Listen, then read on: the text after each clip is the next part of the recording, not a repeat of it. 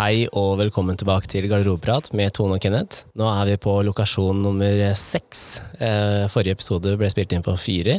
Nå har vi flytta oss ut på Fornebu. Dette er jo da episode 25. Ja. Eh, Vi har eh, gjest med i dag. Eh, Nix, Nico, Nikolai. Eh, Hvilke navn bør man gå for? Eh, Også kjent fra TV-serien Broslo. Takk, takk. Eh, alle tre navnene er jo like gode. Ja. Eh, jeg har vokst opp med å male graffiti, og der var navnet mitt Nix. Så mange kjenner meg som det. Ja.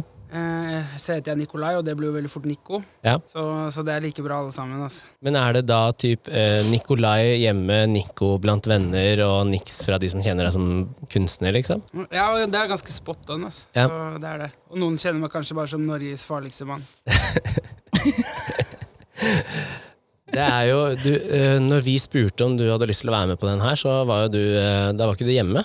Du var jo en liten tur i Frankrike. Det stemmer, det. Ja. Eh, og du svarte med en gang. Det, det gikk så fort. Eh, Jeg ble så overraska. Og så var det spørsmål om vi skulle komme ut hit. Ja. Lydisolert rom, og det er jo noe nytt for oss. Så hvis lyden er eksemplarisk i denne episoden her, så vet vi hva vi må gjøre fremover, da. Ikke sant? Bygge, bygge rom. Bygge rom, ja. Ja. Nei, jeg, jeg hadde hørt om podkasten deres. Jeg er jo god venn med Kenneth Berg. Ja. Og hørte at han hadde vært hos dere. Og jeg syns eh, dere hadde en litt kul eh, twist på det. da Med Ja. At dere trekker litt tilfeldige temaer og bare ser hvor praten går. da ja. Så det tenkte jeg at eh, det må jeg være med på. Ja, for det er litt sånn det med å være spontan, og som jeg tenker at som kunstner, da, så vet du kanskje ikke helt hvor du skal hen med kunsten, og at det passer litt inn, da. I den derre la det bare flyte, og så se hvor vi ender opp hen. Absolutt. ass Jeg tror de fleste kunstnere er veldig lite glad i boksen. Ja. Så alt som er eh, spontant, alt som er rett fra hjertet, alt som går som det går, det er bra. ikke sant? ja. Men har du hatt en vanlig jobb? Egentlig aldri, ass. Nei? Ikke Nei. sånn når du var ungdom heller? Uh, jeg, jeg har egentlig levd hele livet av å, å male. da Ja? Helt fra jeg var typ 15 år gammel. Ja? Jeg har vært innom noen ting fordi eh, jeg hadde en del dysleksi. Jeg var jævlig dårlig på skolen. da Ja? Så liksom hadde alltid helt ræva karakterer i norsk eh, og engelsk spesielt. Ja? For jeg skrev og leste ganske dårlig. Ja? Og så matte også tallblind, og alltid regna feil. Og selv om jeg skjønte noen ganger stykkene, så ble tallene feil, for jeg skrev av stykket feil fra boka. og Ja. Sånne ting. Så tenkte jeg etter ungdomsskolen ungdomsskole at jeg, jeg kan ikke begynne på allmennfag, liksom. Nei. Så digga jeg motorsykler og biler, så Ja. da gikk jeg på MEC.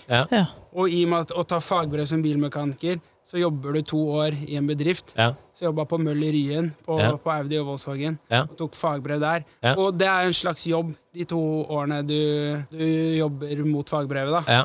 Som en blanding mellom skole og jobb. Så Ja. Det er egentlig det lengste sånn ansettforholdet jeg har hatt noen gang. da Ja? Og den dagen jeg sto fagbrevet, så sa sjefen til meg at gratulerer, men det er nå du virkelig begynner å lære. Ja? Så sa jeg det er litt dumt, da, fordi jeg er nødt til å si opp. ass Så, så hoppa jeg rett på et fly til USA, så stakk jeg og kjørte snowboard med noen kompiser et ø, års tid. Så kult. Men du har ikke jobba som mekaniker, da? Egentlig sånn Nei, egentlig Nei. aldri. Aldri Kun under, som, som lærling. Ja. Men jeg hadde aldri tenkt til å jobbe som mekaniker heller. Det var Nei. Nei, det var ikke planen. Nei. Jeg ville bare kunne yrket, da, fordi Ja. jeg elsker biler og motorsykler og motorer. Ja. Ja. Og jeg visste at jeg ville ha noen rå biler, og jeg visste at jeg antageligvis ikke kom til å få råd til dem. Så da tenkte jeg at da må jeg lære meg å bygge de selv. ikke sant? Ja. det er smart, det, da. Fordi de bilene som står på utsida, er begge dine? Både den jeepen og den gamle? Det stemmer. Ja. Ene er i 1966 Ford Fairlane eh, med Datons, og, og det andre er en eh, Jeep Wrangler med 37 tommer terrengdekk. Ja, for det var det Når jeg så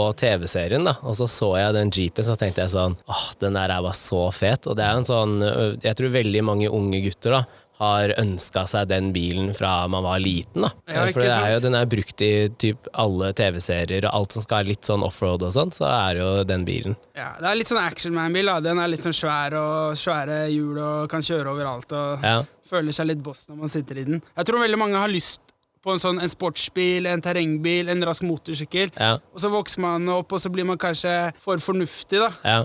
Men som kunstner så har du på en måte jobben din er nesten å ikke å vokse opp og aldri bli fornuftig. ikke sant? Ja. Så jeg vil bare oppfordre folk til det. da. Gjør noen dumme valg og kast bort noen penger på noen biler. og Hvis det er det, det du brenner for, ja, ja. så kanskje det lønner seg likevel.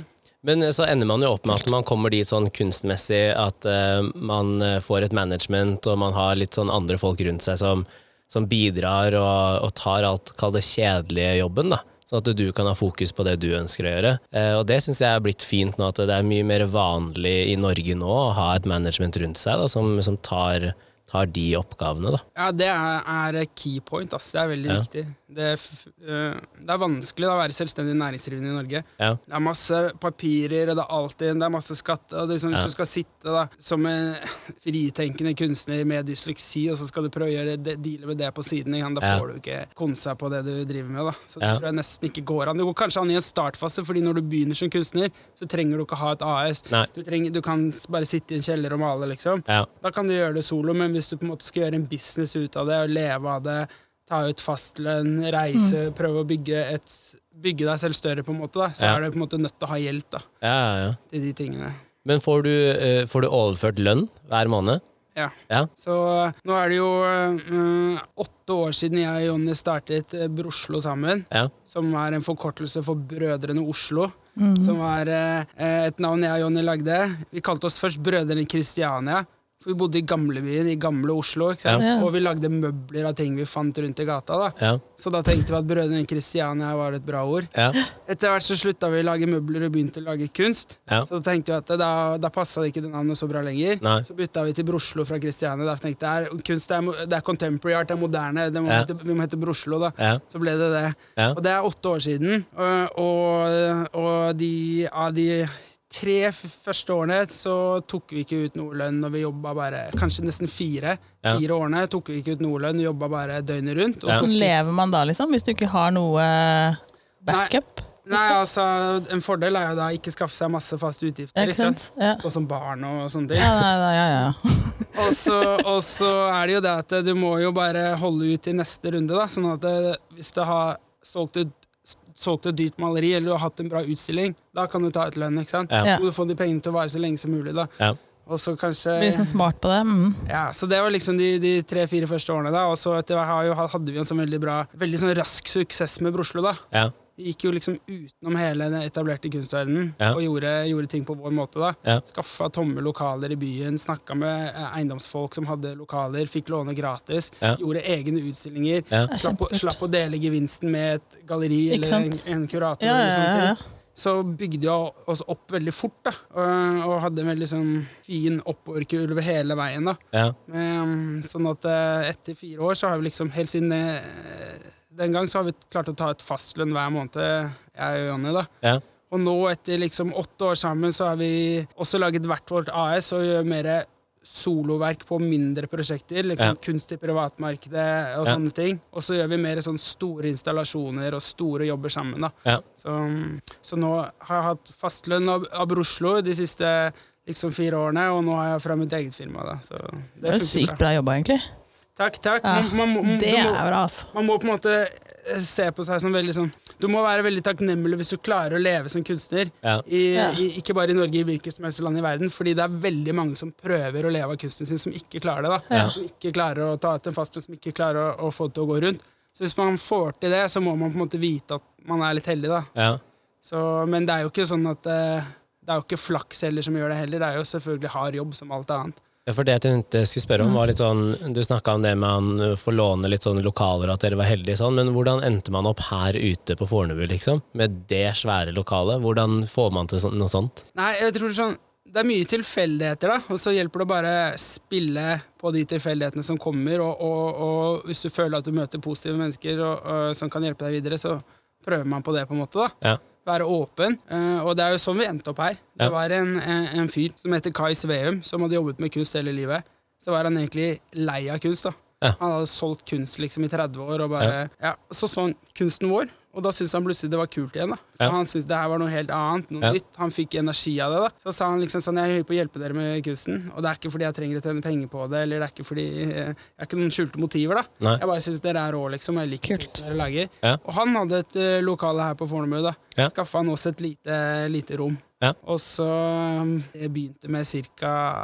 10 kvadratmeter, det rommet var det vel. Ja. Og så ble det 50, og så plutselig fikk vi 100, og så flytta naboen ut, så tok vi hans sitt lokale, så var det 200, og så ble det 500-600 kvadratmeter pluss, ikke sant. Så Ja. vi har liksom bare scala opp da hver gang vi har sjansen å ta et nytt rom eller få et nytt lokale. Ja.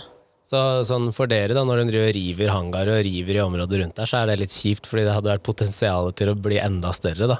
Ja, ja, og det er mange grunner til jeg syns det er kjipt. Altså, eh, det er- her er jo på en måte en gammel flyhangar, en gammel industriell bygning. Det som er fint med at den er jo ikke så praktisk til å ha moderne kontorer i. Den er ikke så Nei. praktisk å bygge om til boliger, men den er sykt genial for sånn som vi gjør. da. Mm. som bråker, ting som støver, fordi det er et gammelt verksted, basically. Ja. da. Og sånne lokaler er det veldig mangelvare på Ja. i alle storbyer. da. Ja. Og det er veldig synd, syns jeg, eh, når alle typ sånne lokaler blir bygd om Ja. til boliger. Da Ja. For da flytter enda mer folk inn til byen. Sant. Men de folka har også lyst til å drive med noe. De har også lyst til å drive med dans eller turn eller, Mm. eller eh, liksom kunsten sin eller musikk. Men det er jo ingen lokaler igjen hvor, de, hvor folk kan holde på med sånt, for Nei. alt er bygd om til sånne fuglekasseboliger. Ja, ja, ja. Sånn at Vi er jo veldig for at man skal bevare typ sånne røffe bygningsmasser som kan brukes til mer kreative spaces. da ja. Så hver gang de river noe, i, enten det er i gamlebyen eller på Fornebu eller i sentrum, så er, så er jeg Jonny trist. ikke sant? Ja. Det er ikke bra.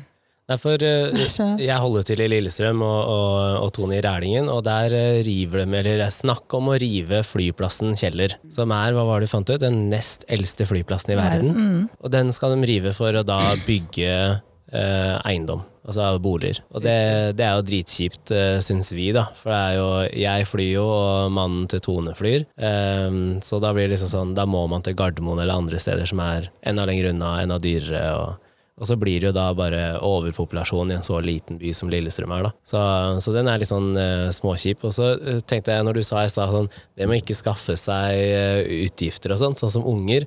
Så Tone har gjort det. da. Tone har skaffa seg tre unger, og det er mye utgifter.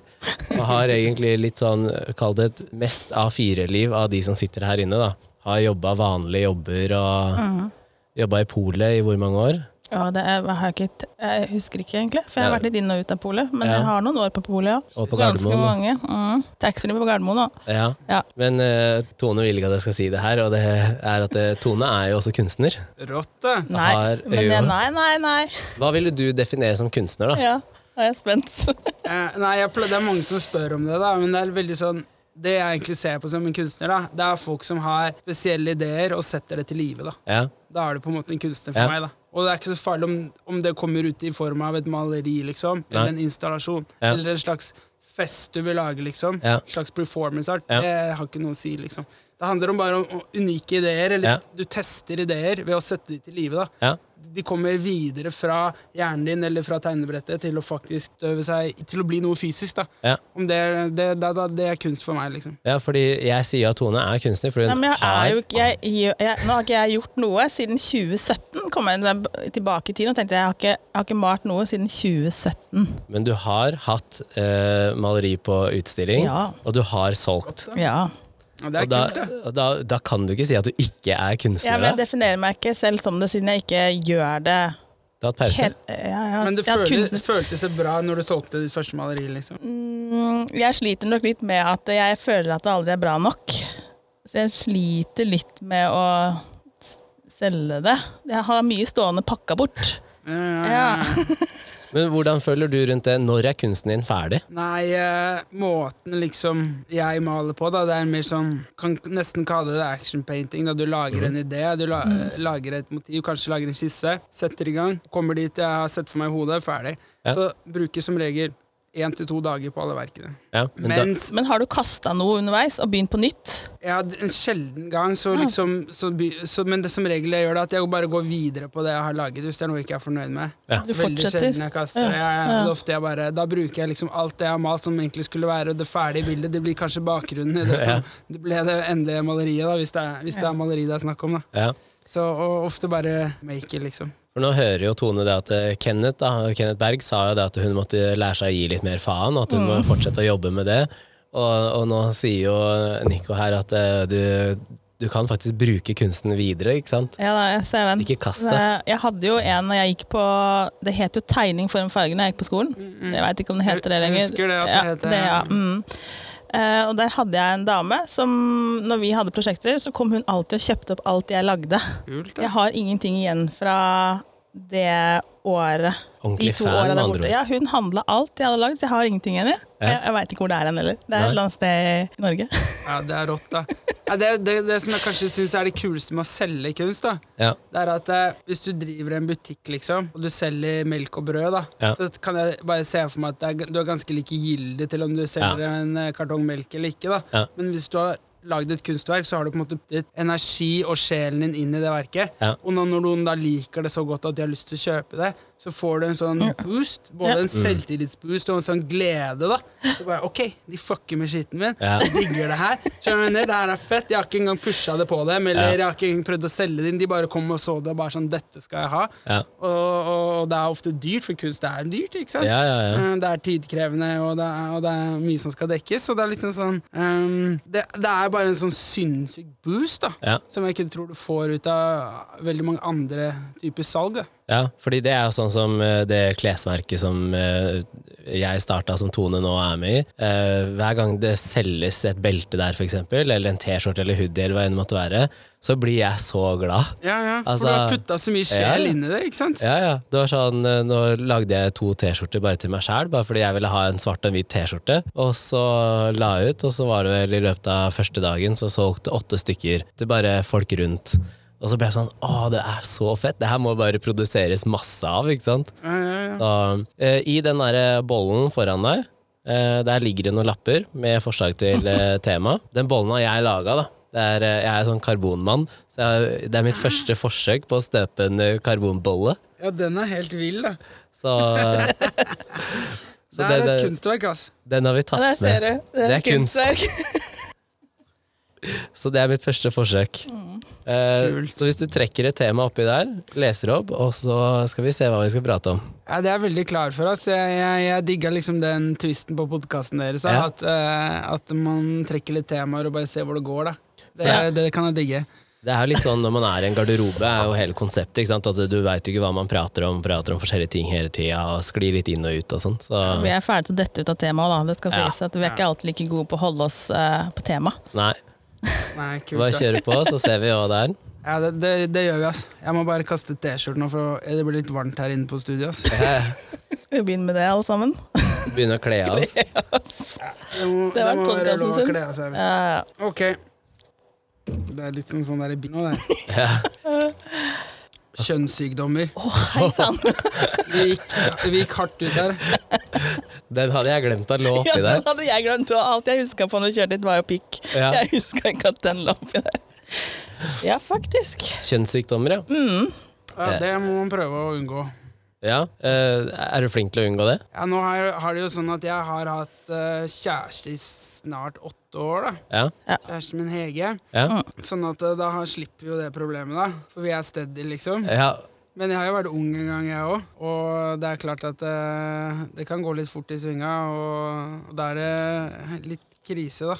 Ja. Jeg husker liksom det er liksom klamydia jeg husker jeg har hatt når jeg har vært kid, da. men da husker jeg at det, å få det, liksom Eller det var liksom greit nok, da, men det kle- kleine med det, da, det kjipe med det, da Ja. Man må stikke ned på den derre Olafia Eh, ja, ja, for å teste det, liksom. ja.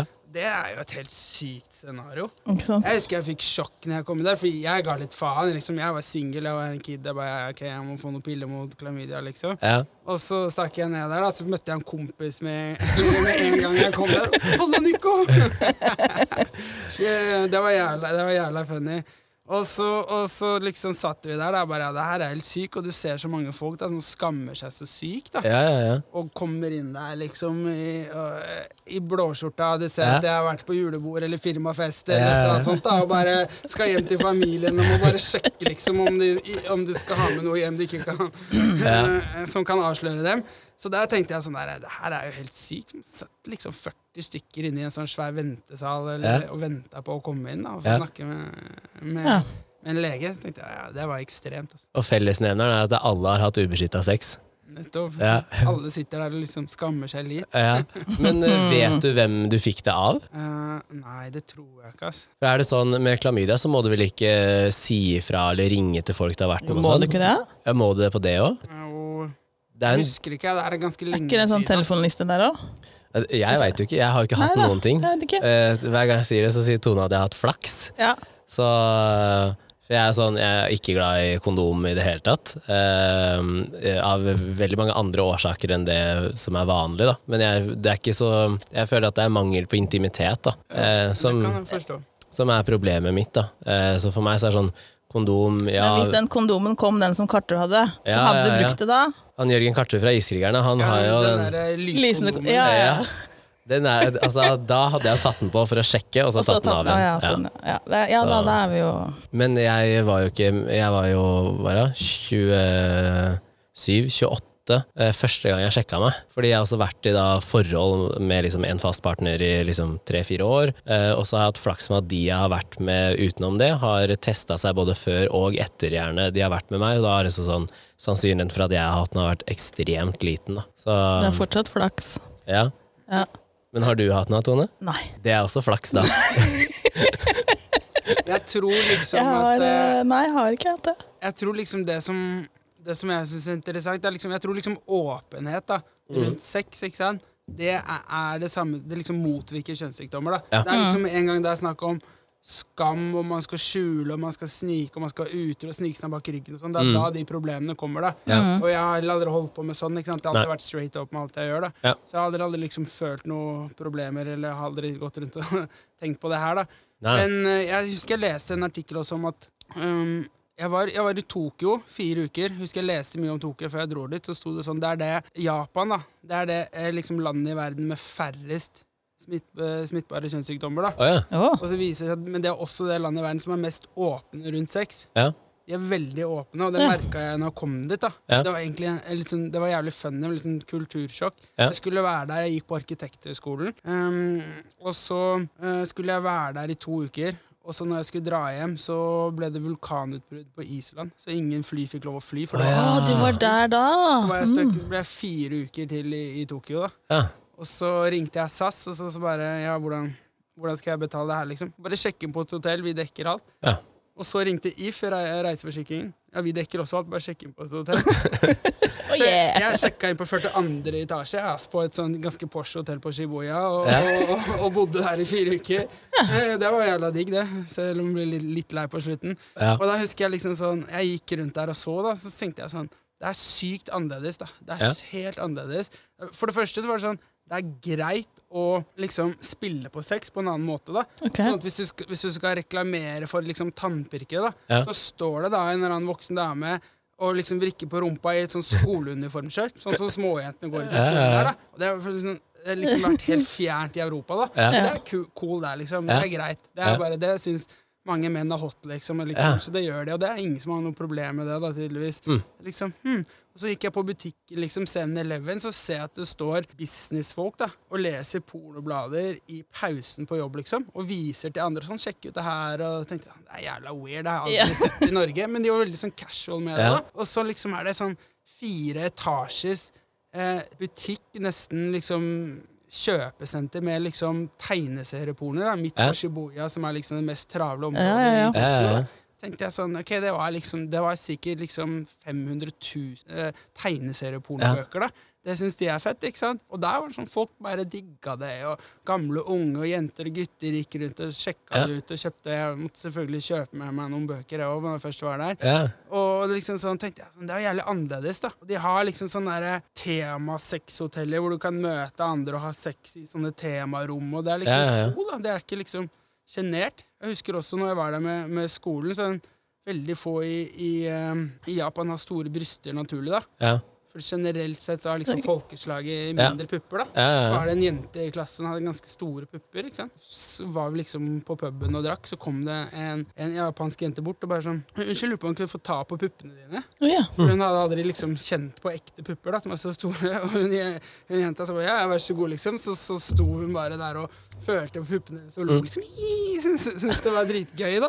Jeg liksom sånn, ja, det var jo det var kult. Det var fair Ja. enough, liksom. Hun Ja, hadde aldri kjent på ekte store pupper. Ja. Og hadde og lyst til å gjøre det, men det er, sånn, det, det er vel et sånt scenario også, men liksom tror du aldri hadde sett på en kafé i Europa. da. Nei, nei. Så tenkte jeg liksom sånn der, ok, tenkte jeg først det er rart, men så leste jeg liksom, ok, men det er faktisk det eh, landet i verden med minst kjønnssykdommer. da. Ja. Og det, er, det fins nesten ikke aids der. Nei. Hvor de er så, Så åpne rundt det, for det er ikke tabu. Så Ja. får du en sykdom, så er det ikke noe, det er ikke noe problem. Det er Ja. Liksom, du skal ikke skamme deg Nei. over det. Nei. eller tenkte jeg sånn, ja, da må det jo være noe i det, da, at det er bra med åpenhet rundt sex. liksom. Ja, for både jeg og Tone er jo sånn som kan prate om, om alle temaer.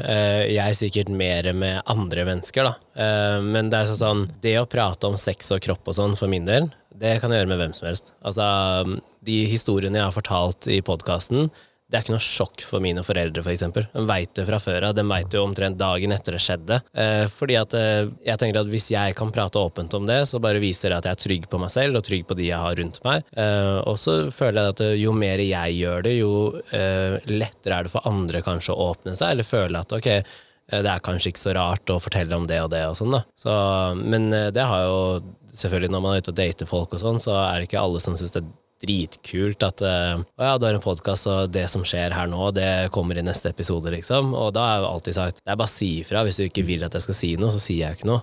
Det er ikke sånn at jeg må utlevere, men eh, jeg syns det er Altså, hvorfor ikke fortelle om ting, da? Ja, jeg skjønner det. ass. det jeg, tror det er, jeg tror det er sunt. ass. Mm. Og så i forhold til kunst, så er liksom sex alltid vært et, liksom, et tema som er viktig i kunsten òg. Ja. Viktig med åpenhet rundt kunst. Viktig å liksom vise følelser og rare sider, kanskje. Alt som er awkward, skal liksom ha en plass i kunsten. da. Ja. Men det har jo alltid vært i kunsten. Hvis du går tilbake til det, så, er, så, så følger det jo egentlig hele veien. Absolutt. Ja, ja. Og jeg syns noen ganger det er gøy, fordi vi har gjort både med Broslo og, og, og, og jeg også solo, har liksom gjort en del liksom explicit temaer. da. Ganske liksom um, seksuelle bilder. da. Og det er liksom sånn fett, fordi jeg syns at jeg synes det er en kul måte å ta det moderne samfunnet på, fordi vi liker veldig ofte å si at i det moderne samfunnet ja, vi er så åpne, og alt er så naturlig, det er så greit med sex og sånn. Det liker folk å si, si, og så er det ofte egentlig ikke sånn. Nei. Så med en gang du gjør noe veldig eksplisitt, da, Ja. så, så dukker folk og later som de ikke ser kunsten. Ja, ja. Eller de liksom de blir fornærma, eller Ja, ja. sånn. Altså bare sånn, Hva er det som er gærent med det her, liksom? Uh, vi, vi malte et svært, liksom Ja, eh, fire-fem år siden vi eh, gjorde en utstilling eh, sammen med X Games. Ja. Da malte vi et svært, svært bilde med Bambi som ble tatt bakfra. Ja. Den har jeg sett. Og, og det, var, det var to og en halv ganger to meter, eller tre ganger to meter. Svært bilde, ikke sant? Ja. Og, og, og det var liksom sånn Det var jævla vilt, og det var mange liksom som, som bare ikke fucka med det bildet. da Ja. Og så var, husker jeg var uh, sto på, Det hang på Galleri Gade en periode, og da var det en kid som var der. liksom sånn, sånn, Men dette må være greit. liksom Det er jo kunst. Det er ikke Ja. noe farlig. Det er jo bare, bare, det er bare å vise det som faktisk skjer. Jeg, bare, Ja. jeg var helt enig med han. Han var liksom 12-13 år gammel. Ja. Ja, ja, Og han, bare, han, han sto ikke knist eller skamma seg. Eller noe. Tenkte, det, det er bra, da. Sånn burde det være. Mm. Og husker også, vi, vi visste ikke det på det tidspunktet, men på den X Games-utstillingen vi gjorde, da, for vi gjorde en kunstutstilling sammen med åpningen av det første X Games i Norge. Ja. Og da X Games er eid av ESPN, sportskanalen, som igjen er eid av Disney. Det visste jo ja. ikke vi, ikke sant? Oh, nei, og så tenkte vi shit, her er. Bambi blitt tatt bakfra, og så, kom, så viste det seg at begge de to topp CEOsa i Disney kom da, Oi. i Norge. Så tenkte vi sånn, ja, vi får se hvordan det går, liksom. Og noen bare tenkte sånn, shit, ja, dere kommer til å få liksom trademark issues og sånn, men Ja. det, det er egentlig ikke noe issue i kunst, men, så det var vi ikke redde for. Men vi tenkte sånn, shit, vi, vi får se hvordan de tar imot det her, da. Ja. Men de digga det, da.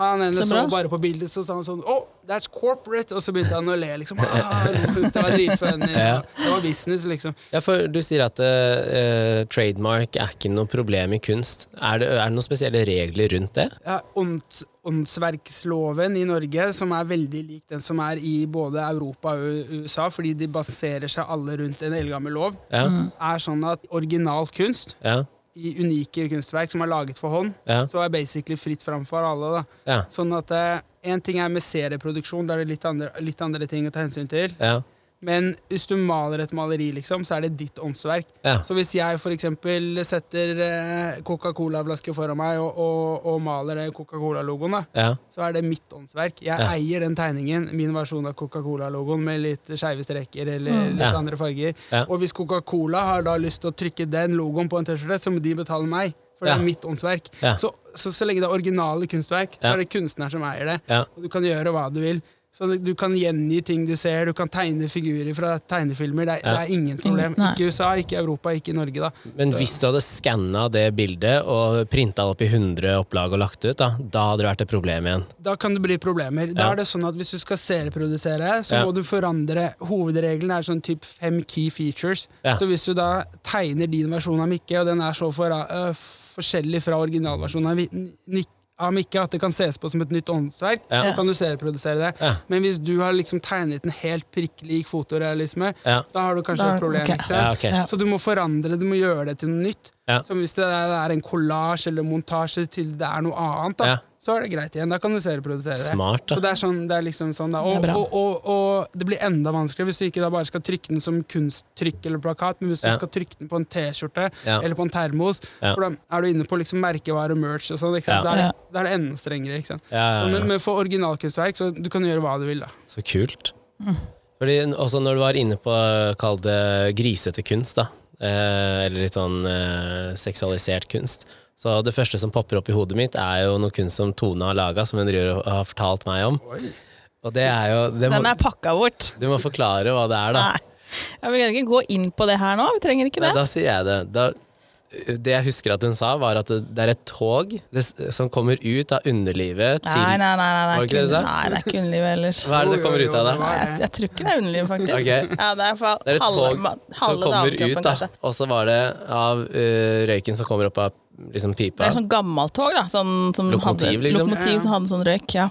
Mm, Og hva er det som kommer ut der? røyk. I form av Røyk. sædceller. Men du må, gå inn, du må gå helt inn på maleriet for å kunne se at det er det, da. Et damplokomotiv som på en måte Ja. spruter Ja. Ja, sædceller. men du kan ikke se det før du går inn på maleriet og ser at det, Å, faen. Så du må gå nærme. Må for å gå se nærme det. Ja, det er kult, da. Det er alltid kult med litt Men kryptiske det beskjeder. er, eh, det er pakka bort.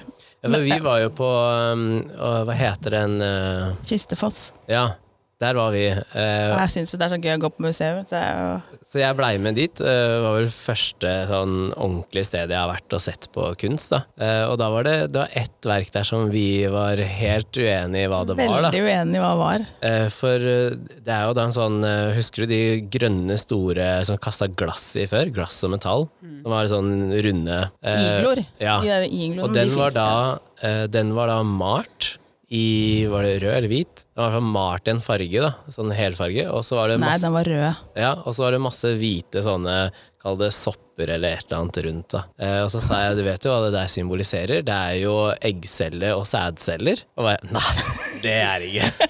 Og jeg bare, det er jo det det er. Det er jo det jeg ser her. Det er akkurat det det er. Og da tenkte jeg sånn Vi at, blei jo ikke enige.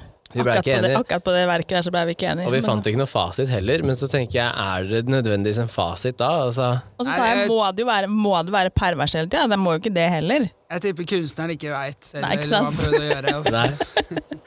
For det syns jeg er litt gøy når man, eh, når man gjerne ser i filmer eller serier, så har du sånne kunstkritikere og sånne som går rundt på gallerier og skal fortelle om hva kunstneren har tenkt og følt og sånn. Og så er det sånn Ja, grunnen til at de brukte den og den fargen, var det og det. Og da jeg lo sånn, fordi når jeg så den episoden av Broslo hvor Jonny henter frem eh, lilla og sier at eh, du ikke liker lilla, så tenkte jeg sånn Ok, i det kunstverket her så kan du også si at det, det ble brukt lilla fordi at eh, han skulle irritere kompisen, liksom. Ja, altså, det må jo ikke være noe mer grunn bak det enn det, da. Nei, jeg tror, jeg tror det veldig, veldig ofte blir lagt veldig mye meninger i, Ja. i ettertid, da, Ja. som nødvendigvis ikke er der. Men det som kanskje er faktum, det er at da kunstneren gjennom fargebruk, gjennom motivbruk, gjennom symbolikk, Ja. har lagt opp til tolkning. Ja. Uten å nødvendigvis vite, vite hva han selv eh, prøver å si, eller Ja. hva resultatet er. Ja. Men det er på en måte en kunst også, å gjøre noe som du er nødt Ja. til å stå og, mm. prøve å tyde. da Ja. så det tror jeg, den er, den er på en måte reell, eller den syns jeg er god, liksom. Men hele kunsten til meg, Jonny, det var jo på en måte et stikk til nettopp all den pretensiøse contemporary arten du ser, all den Ja. moderne kunsten, hvor det er lagt så uhorvelig mye mening i som Ja. er umulig å oppfatte uten at noen forklarer det til deg. Ja. Så det, det, kunsten vår er, et, er et mot, en motreaksjon på det. Ja. Fordi vi liksom, vi stakk på utstillinger, da, og liksom, det er litt hvitt, skittent laken som er stifta på en vegg. Ja. Og så kan du liksom, en kunstkritiker skrive 18 sider om hvorfor det er et sykt viktig verk som skal beskrive hele verdens smerte, eller et eller annet sånt. Ikke sant? ja, ja. Så bare sånn, men jeg caller det for bullshit. Da. Det er bare Ja. et hvitt lak som stifta på en vegg. Ja. Bare, det er bare for å være sær og vanskelig at det er Ja. gjort sånn. ikke sant? Og det er derfor vi tenkte sånn, når vi skal lage kunst, vi skal gjøre det motsatte. da. Ja. Så Der hvor all moderne kunst skal være uforståelig, vanskelig, kryptisk, stygg med vilje, provoserende med vilje, da skal vi Ja. gjøre det motsatte. Vi skal ha koselige, snille farger, Ja. hyggelige temaer, Ja. eh, ikke sant? kjente figurer. Hvis det skal bare være det stikk motsatte. Enkle budskap som du blir glad av å se. Ja. Det var på en måte for å kødde med moderne kunst. da Og Det var sånn kunsten vår begynte. Ja, for sånn som Masa, altså, som malte svære bilder, og så sa han sånn Ja, nei, nå blir det gult, for jeg hadde ikke mer blåmaling, liksom. Ja, det var bra. Det ble gult. bare, det er så konge hvor tilfeldige ting er, da. Ja. Han, er, Eh, han er et bra eksempel på det, fordi, fordi han jobber ikke liksom med å prøve å fortelle en historie. Da. Ja. Fordi det handler bare om følelser. Han prøver å få et eller annet uttrykk, han prøver å få bildet til å si noe, og det holder. Det. Og jeg Ja. tror noen ganger Hvis du hele tiden skal kunne beskrive alt du gjør, så ender du på en måte opp med one-liners. Altså, Det er én ting du kan forstå. Når du har forstått det, har du skjønt bildet. Ja. Men du kan også jobbe utenfor det du selv kanskje helt forstår som kunstner. Da. Det vil si at du, vet, du jobber bare med en følelse. Du vet ikke helt hva du gjør, men du bare føler at det burde være sånn, og så jobber du på den. Ja. Du prøver ikke å, å alltid rettferdiggjøre for deg selv hvorfor gjør jeg dette nå. Du bare gjør det fordi du føler det. Ja. Og du vil sannsynligvis ende opp med noe, tror jeg, da, bedre enn hvis du alltid går helt pragmatisk gjennom alt du gjør. Ja. Det er liksom en del av den kunstneriske friheten man, man har. da. Ja. trenger ikke alltid å rettferdiggjøre alt du gjør. når jeg gikk på skolen, så fikk vi alltid beskjed om at vi måtte sette opp stikkord og måtte lage oss en sånn der oppgave først før vi begynte å male og sånn, husker jeg. Mm. Og husker jeg Det var det verste jeg visste. At jeg måtte liksom Definere analys- ja, på forhånd. definere på forhånd hva jeg skulle gjøre. For tenkte jeg, det er ikke alltid det blir sånn. Nei, og hvis du Nei, da så ja, spesielt altså. den episoden med Masa hvor han bare starter, og så bare går han rundt og lager streker. Jeg veit ikke hva det blir, sier han jo. Men eh, jeg fikk inn et spørsmål hvor eh, spørsmålet er eh, hvor henter du inspirasjon fra, og hvor mye er det lov eh, å la seg inspirere av andres kunst? Ja. Eh, jeg er veldig sånn Inspirasjon til kunsten min da. Det kommer veldig mye bare fra hverdagslivet. da Ja, Så jeg er typ sånn der eh, Jeg ser på en brusflaske, en joggesko, liksom, så tenker jeg sånn Det var en kul fargekombo. Ja. Den skal jeg putte inn i neste kunstverket mitt. Ja. For jeg bare, jeg bare hekter meg på et eller annet jeg ser. da. Plukker opp sånne småting. Så veldig mye sånne ting. da Jeg bruker ikke å, å se på and, andre kunstnere og andre liksom Jeg går ikke på kunstmuseum for å få inspirasjon til kunst. da nei. Nei. så, så jeg tror ikke det. Jeg liksom jobber ganske sånn ukritisk i forhold til eh, hva jeg har lyst til å lage neste. Da. Jeg liksom prøver å finne ting som Ja. interesserer meg. Så ser jeg liksom hva jeg har lyst til å formidle, og hva jeg har lyst til å gjøre. Så tester jeg det bare. Ja, Så det tror jeg er viktig. Så Jeg tror Hvis du går rundt og leter etter inspirasjon, ja, så sliter du liksom. Da har du Mm. begynt mm. allerede i feil ende. da ja. du må, du må bare gjøre et eller annet du har troa på, da Ja. og så fullføre det. Ta en eller annen idé. Det er jeg sikker på at alle personer til enhver tid har mange hundre ideer i hodet Mm. sitt om ting yeah. de kunne tenke seg å gjøre. Mm. Så bare ta, velg en av de og gå for det. Yeah. Hvis du da istedenfor bestemmer deg for å gå en tur på kunstmuseum og lete etter inspirasjon, da tror Mm. jeg du kommer bare lenger unna og faktisk få produsert noe. Ja, ja, ja. For sånn som lillebroren min, han er jo ganske kunstnerisk, har alltid vært flink til å tegne. Eh, og nå, vi spilte jo den episoden med Kenneth Berg, var jo i leiligheten hans, og da hadde han jo er tre malerier han har hengende som han hadde laga. Mm. Og da, du så jo de. Ja. Um, og sa De var liksom De var jo bra, liksom, men no, det ene burde vært laga i mye større format. Ja. Han hadde, det ene var at han hadde malt selv Jeg liker at det skal være, et maleri skal være litt stort. Da. Det må ta, ta litt plass. Det kan ikke være sånn liten greie på veggen. Det må ta litt plass. Ja, ja. Han hadde malt seg selv og kjæresten i en sånn type sånn størrelse, sånn som det her, liksom. Eh, Vanlig lerretsstørrelse, ville jeg kalt det. Det er jo fint. ja, men ja. det burde jo vært grisesvært. Burde hengt over hele veggen, ikke sant. Og så hadde han et med Mr. Bean og litt sånn. Ja, men Mr. Bean i stua Nei, jo, jo spisebordet sitt. Ja. Og, men han er sånn som uh, Han uh, følger også han uh, Art by Blue, han eh, Stian, er det ikke han heter? Riktig, riktig. Eh, som holder til nede på Tjuvholmen. Og den type kunst som han lager, er jo Jeg vil kalle det er mer og mer folk som lager den type kunst nå, og kanskje kall det at man kopierer litt av hverandre og finner et fett bilde, og så, og så er det den der klassiske avslutninga med epoksy med noe gullflake. Da. Eh, og hva tenker du rundt liksom det at eh, man ser, noe, man ser noe som kanskje funker, og så slenger man seg på og skal lage liksom mye av det samme? Føler du at det blir litt sånn feil, at du da kopierer hverandre, eller er det greit? Mm, jeg kommer jo egentlig fra graffitiverdenen, ikke sant? Ja, Og tenker tagging og graffiti, da. ja, så er det liksom veldig fy da Ja. å gjøre noe som minner om noe det sterkt om det noen andre gjør. da Ja. Hvis det er navnet, for eksempel. Hvis du vil finne navnet ditt, da ja, og hva du vil kalle deg når du skal male graffiti, så skal du være veldig forsiktig med ikke herme etter noen andre som ja, har holdt på mye lenger enn deg selv. ikke sant? Ja. Samme med liksom stilen. da Du finner din egen stil i graffiti, Mm. og, eller dine egne tags. Da skal, du, du, du er en biter da, hvis du hermer etter noen andre. Det vil du ikke være. ikke sant? Nei. Du finner din egen greie. da. Så jeg tar alltid mye stolthet i det. ikke sant? Eh, eh, samtidig så er det liksom veldig, veldig mange andre Eller kunst gjennom tidene, de ligner, det ligner alltid på hverandre. da. Det er Ja. flere det er epoker. Ja. Folk blir inspirert av hverandre, og det er Ja. på en måte greit. Eh, og det, sånn er det bare. Ja. Og sånn er det i graffitimiljøet. Liksom, det er forskjellige stilepoker i, i graffiti også. Ja. Men siden jeg kommer fra graffiti, da, så ser jeg liksom Jeg ser veldig på Selv så tar jeg mye stolthet i å liksom alltid finne nye veier, da. Og Ja. ikke kaste meg på det noen andre gjør, da.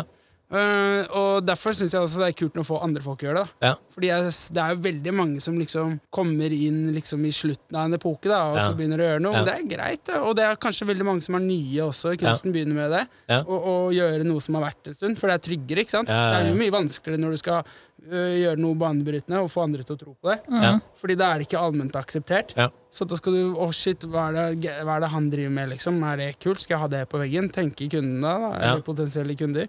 Sånn at øh, det er vanskeligere. Men Men, hvordan- desto hvor- kulere, da.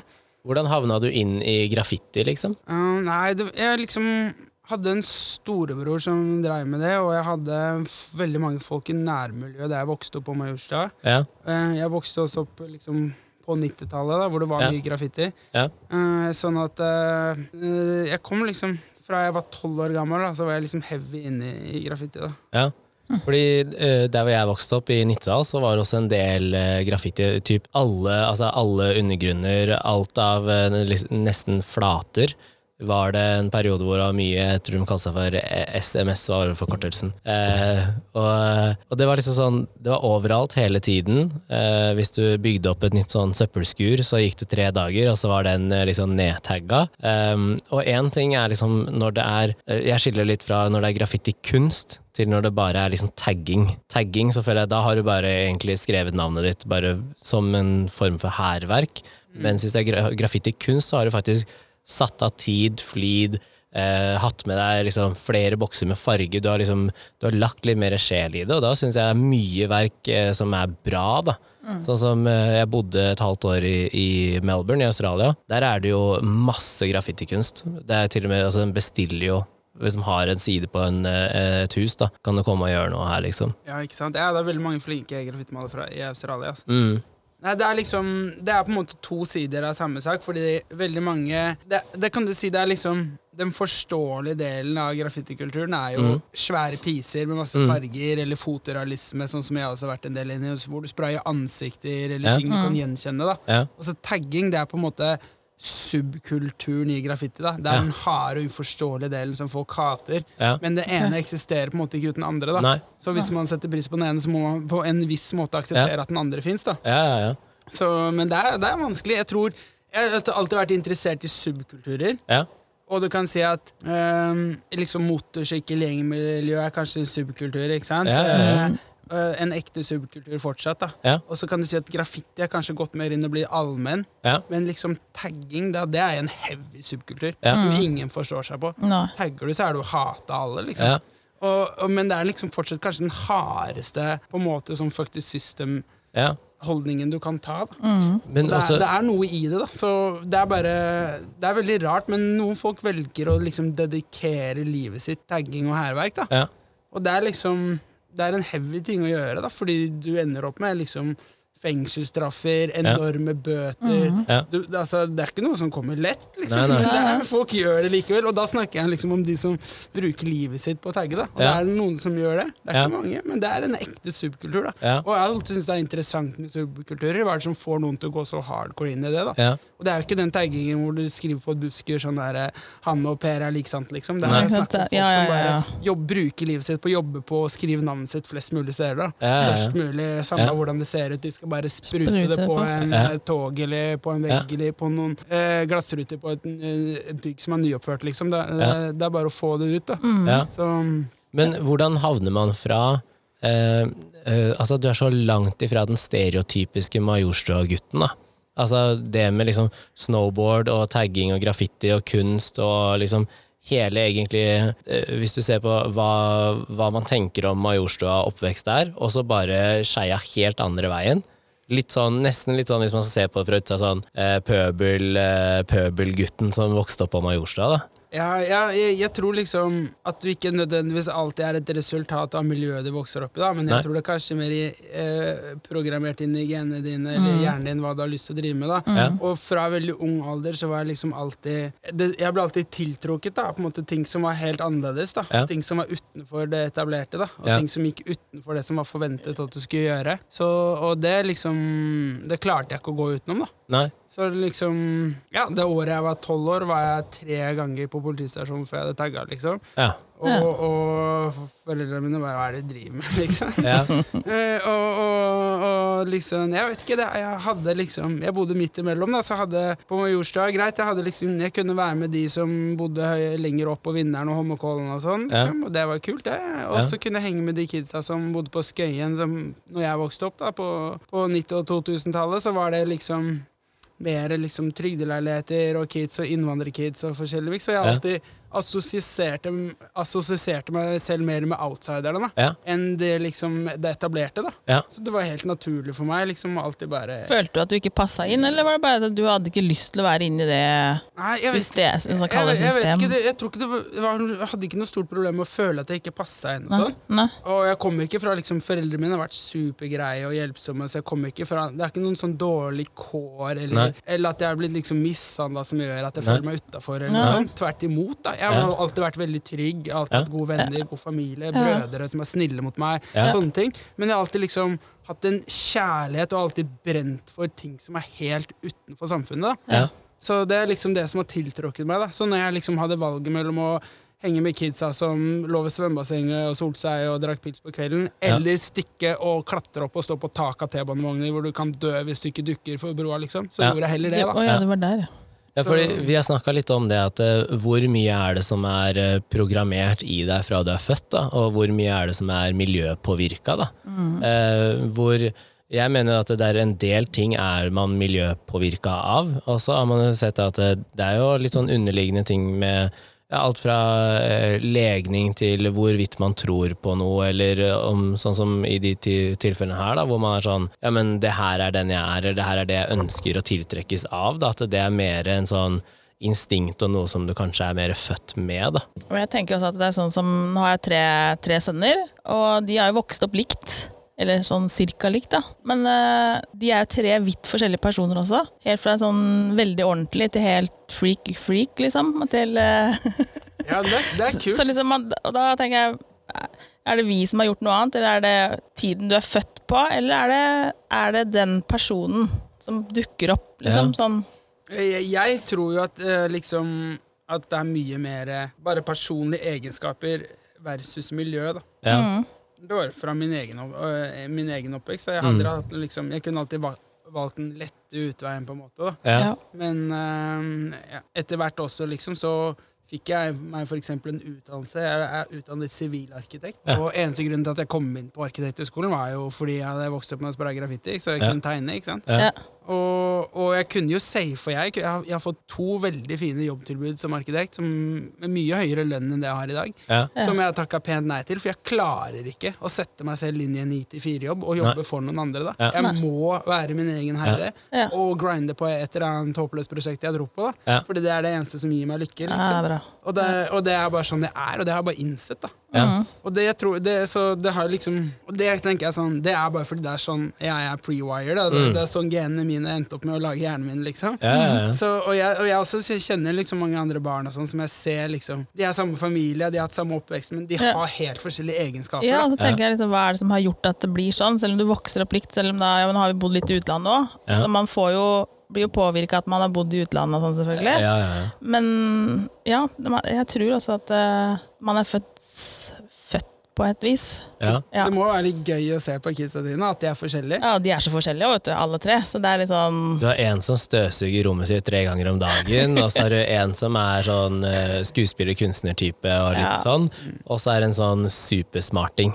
Ja, som er den yngste. Lille, lille, lille min er litt smart. Det, og jeg tror ofte det er den yngste som er smartest. Ja, jeg ikke hva jeg er har tre brødre. Jeg er en storebror og en lillebror. Ja. Storebroren min er to år eldre enn meg, lillebroren min er fire år yngre enn meg. Ja. Det er Og- akkurat samme som Mini. Og, og, og når jeg vokste opp der, når jeg var liksom 16-17 år, og sånn da, så Ja. sa jeg liksom til lillebroren min da, Hva skal du helgen, da? Skal du stikke ut og henge med gutta? Skal jeg kjøpe noe pils til deg? liksom? Ja. så, jeg er ikke så interessert i å drikke, sånn til meg. Bare, ok, sånn, fair enough, liksom. Men han hadde aldri liksom behovet for å Nei. henge på gata og drikke pils og kaste Ja. flasker, liksom. Ja. Og det var cool, og nå liksom øh, han, Vi jobber nesten på samme sted, han er på Fornebu han òg. Ja. Men jeg henger her og maler kunst, og så kjører jeg motorsykkel i lunsjen, Ja. og så griller jeg ute og drikker pils med kompisene mine på ettermiddagen. Ja. Mens han er senioringeniør i Aker Kværner, Subsea, Og og sitter shit. og utvikler oljeplattformer for framtiden på bunnen av havet. liksom og, det, og vi har hatt samme oppvekst, liksom. Ja. Og jeg syns at jeg og broren min var uh, langt fra hverandre. Broren min jobber med leasing av biler, samme som mamma har gjort i alle år. Og jeg starta jo første selskap for elleve år siden og har vært selvstendig næringsdriven siden. da. Så eh, jeg også styrer jo egen hverdag, så det er veldig deilig. Og jeg, eh, litt leder inn i det jeg har tenkt å spørre om. Hvis du er en sånn type som da ikke vil ha den der åtte til fire-greia og sitte på kontor, eh, var du i Forsvaret?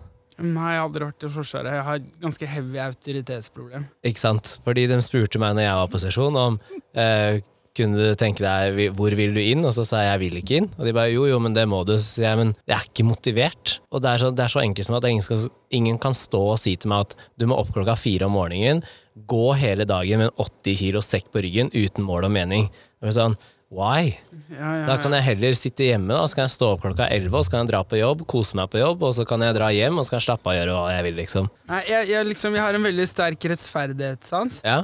Og så- og, og så har jeg liksom sånne ting som ikke virker fornuftig. da Ja. Hvis lover og regler virker ufornuftig, da Ja. så sliter jeg heavy med å følge det. Ja. Mm. jeg er helt Rettferdighet og fornuftighet liksom, det trumfer alt. da Kardemommebuloven for alt det er verdt. liksom Eh, og, og jeg sliter heavy da når liksom, ting ikke gir mening, men du skal gjøre noe bare fordi du skal. Ja. Derfor hadde jeg heller ikke passet inn i militæret. ja. Og det visste jeg jo også, så, så jeg har unngått det. da Men du virker også litt sånn anti-janteloven, da. Absolutt. Med liksom eh, hele, hele oppveksten og hvordan du har liksom sett på ting, og det å reise rundt og type jobb og sånn, er jo veldig sånn mot det tradisjonelle samfunnet, da. Ja, ja, ja. Nei, jeg tenker liksom ja, du må, Har du en idé, vil du satse på noe, har du tro, få troen på deg selv og bare kjør på. Og det oppfordrer jeg sinnssykt mange til å gjøre. da Ja. eh, bare, bare gjennom Instagram og folk jeg snakker med. Det er mange unge kunstnere eller unge kreative som tar kontakt eh, med Broslo og med meg. da Ja. Fordi de lurer på hvordan vi har klart å ende opp med å leve av eh, det kreative. da For det er ikke mange som vil det. Men så blir de pressa inn i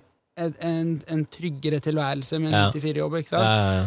Sånn at, eh, og da oppfordrer jeg de alltid. da Ja. Finn, finn ut hva du er god på, finn ut hva du elsker å gjøre. Elsker du å gjøre det, så blir du automatisk god i det. Ja. Så bare kjører du på med den tingen. Ja. Så Da klarer du å leve av det. Ja. det er ikke, du må aldri finne på, tror jeg, da å velge yrke ut ifra hva du tror du kommer til å tjene mest penger Nei. på, f.eks. Du må vente hva du er god i. Er du god i noe? Ja. Er du god til å lage podkast, liksom, så, Ja. så er det mulighet til å leve av det. liksom Er, Ja, ja, er du god til å male? Er du god til, til, til å være kreativ? Er du god til å kjøre prosjekter? Så blir Ja. en eller annen Lag eventer, liksom. Bare Ja. gjør det du brenner for. da så, Og det er liksom det stikk motsatte av hva du egentlig lærer i skolesystemet. da Ja, jeg tenkte også, når du sa at det starta og, Eller du drakk tidlig, ikke sant, for at du hang med broren din som var eldre, og liksom kopierte litt av den, den delen.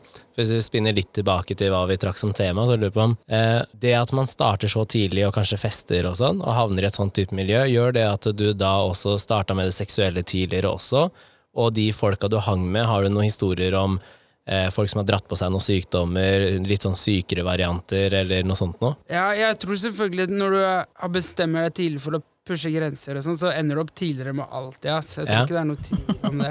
Eh, men eh, nei, jeg had- har egentlig liksom ikke noe rundt kjønnssykdommer, så er det egentlig ikke noe mye problemer eller historier jeg vet om akkurat Men er det ikke, ass. er det, ikke det er, er det sånn da at de ikke har vært åpne om det, tenker du? Eller er det Det er veldig mange som ikke vil snakke om det, da, som vi sa i stad. Liksom. Det er jo ikke kult å snakke om. Nei, jeg vet ikke, jeg husker liksom Jeg har alltid vært litt sånn der eh, Kan jeg si på en måte Kanskje en litt crazy person for noen, men jeg er en ganske stabil person. Ja. Hvis jeg sier at jeg er vennen din, så er jeg vennen din. Liksom. Ja. Du kan stole på meg. Jeg er ikke noe backstabber. da Jeg tar veldig mye stolthet i det jeg gjør, da og det jeg Ja. mener og det jeg sier, og det jeg står for. Ja. Så, og så husker jeg en periode liksom at eh, jeg ble litt sånn Jeg ble litt sånn der eh, grandpa, da. Ja. For liksom alle eh, lillebrødrene til kompisene mine og sånn. Ja. Så jeg husker liksom eh, ene lillebroren til kompisen min, da, Karlern. Han trodde han hadde fått kjønnssykdom, liksom. Ja. Så han var dritnervøs og sånn, da. Så sier jeg sånn der, «Nei, nå Stikk til legen, da. Bare sjekk det. Stikk på øh, klinikken etter han. Nei, han ville at jeg skulle se på det, da. Så ok, da. Kom, liksom. Ja. Så var det bare ja, få se, da. Liksom, så var det liksom fram med pikken og dra tilbake forhuden, og så måtte jeg kikke, liksom. Da. Jeg er ikke noe lege, jeg, liksom. Men jeg bare Nei, det der er, det er jo bare litt gnagsår, det, fordi du har fått for mye sex. Det kan jeg se, liksom. Der har jeg vært selv. Det er ikke noe farlig. Det der kommer til å gå over. Og slappe av et par dager. du. Ja. Og da var han så letta. Å, tusen takk, Ni- Nix. Og sånn. Det, det var bra. Ja, for eh, jeg var i, i Stavanger og dømte en hockeykamp, og så skulle jeg sitte på med, med bortelaget tilbake til flyplassen. Og da satt jeg inne i garderoben deres og venta, og da er det to karer borterst i garderoben som prater om at han hadde vært med en dame, og hun var litt sånn som fløy rundt på byen og sånn, som var litt skeptisk. Og så sier han, og det har klødd litt der nede. Da står det, de er vel ja, ca. 20 år, da, som står da og ser på kølla til hverandre, ikke sant? Og jeg bare tenkte, åh, det er eh, litt sånn godt, fordi jeg kommer fra det miljøet, ikke sant? hvor det er helt åpenhet om alt, og man kan spørre om sånne ting. Det er så digg å se at eh, 10-15 år etter at jeg var ferdig som spiller, så holder de fortsatt på med det samme greiene. Og Ja, driver ja, ja. titter på hverandre og bare sånn Å ja, hun, ja, hun, men hun har jo hatt sånn og gitt det til han, og han har vært med den, og det har jo nesten sånn der, sånn familietre over kjønnssykdommer og hvem som har smitta hverandre, liksom. Så, men jeg tror at eh, enkelte miljøer kanskje er mer åpen om å prate om det, da, og, og kropp generelt, liksom. Eh, og jeg føler at eh, kanskje også mot kunstnere som er litt friere i tankegangen, at de er litt mer sånn åpen rundt det med kropp da, enn det eh, Kall det Ja, men du må ha med deg hele samfunnet ellers. Det holder ikke at noen miljøer er sånn. Nei, men, For eh, alle er jo ikke de miljøene. Nei, det er derfor jeg føler at jo mer man prater om det, og jo Ja, ja. mer eh, kall det disse andre subkulturene eller sånn, er flinke til å implementere det, da. Kanskje det blir eh, mer normalt til slutt, da. Men det var jo, det er ikke så mange helger siden vi satt og snakka om kjønnssykdommer, egentlig. Vi var på Vika her. Husker du det? Husker du det? Jeg, jeg husker ikke da, hele, nei, men, men, da, kommer, da kommer samtalen inn på herpes. ja, det- Ja, husker du nå? Og den ja. er litt Den er ekkel, egentlig. Ja, den er litt skummel, ass. Den er Ja, heldigvis unngått. Ja, Ja. Men den er jo ikke noe som står på noen liste, og du krever ikke at du sier fra til noen at du har det, eller noen ting. Og det, det kjenner jeg at jeg har fått litt sånn ja, fordi det dere sa til meg, var Ja. at eh, du kan få den, og så blir den ikke borte. Nei.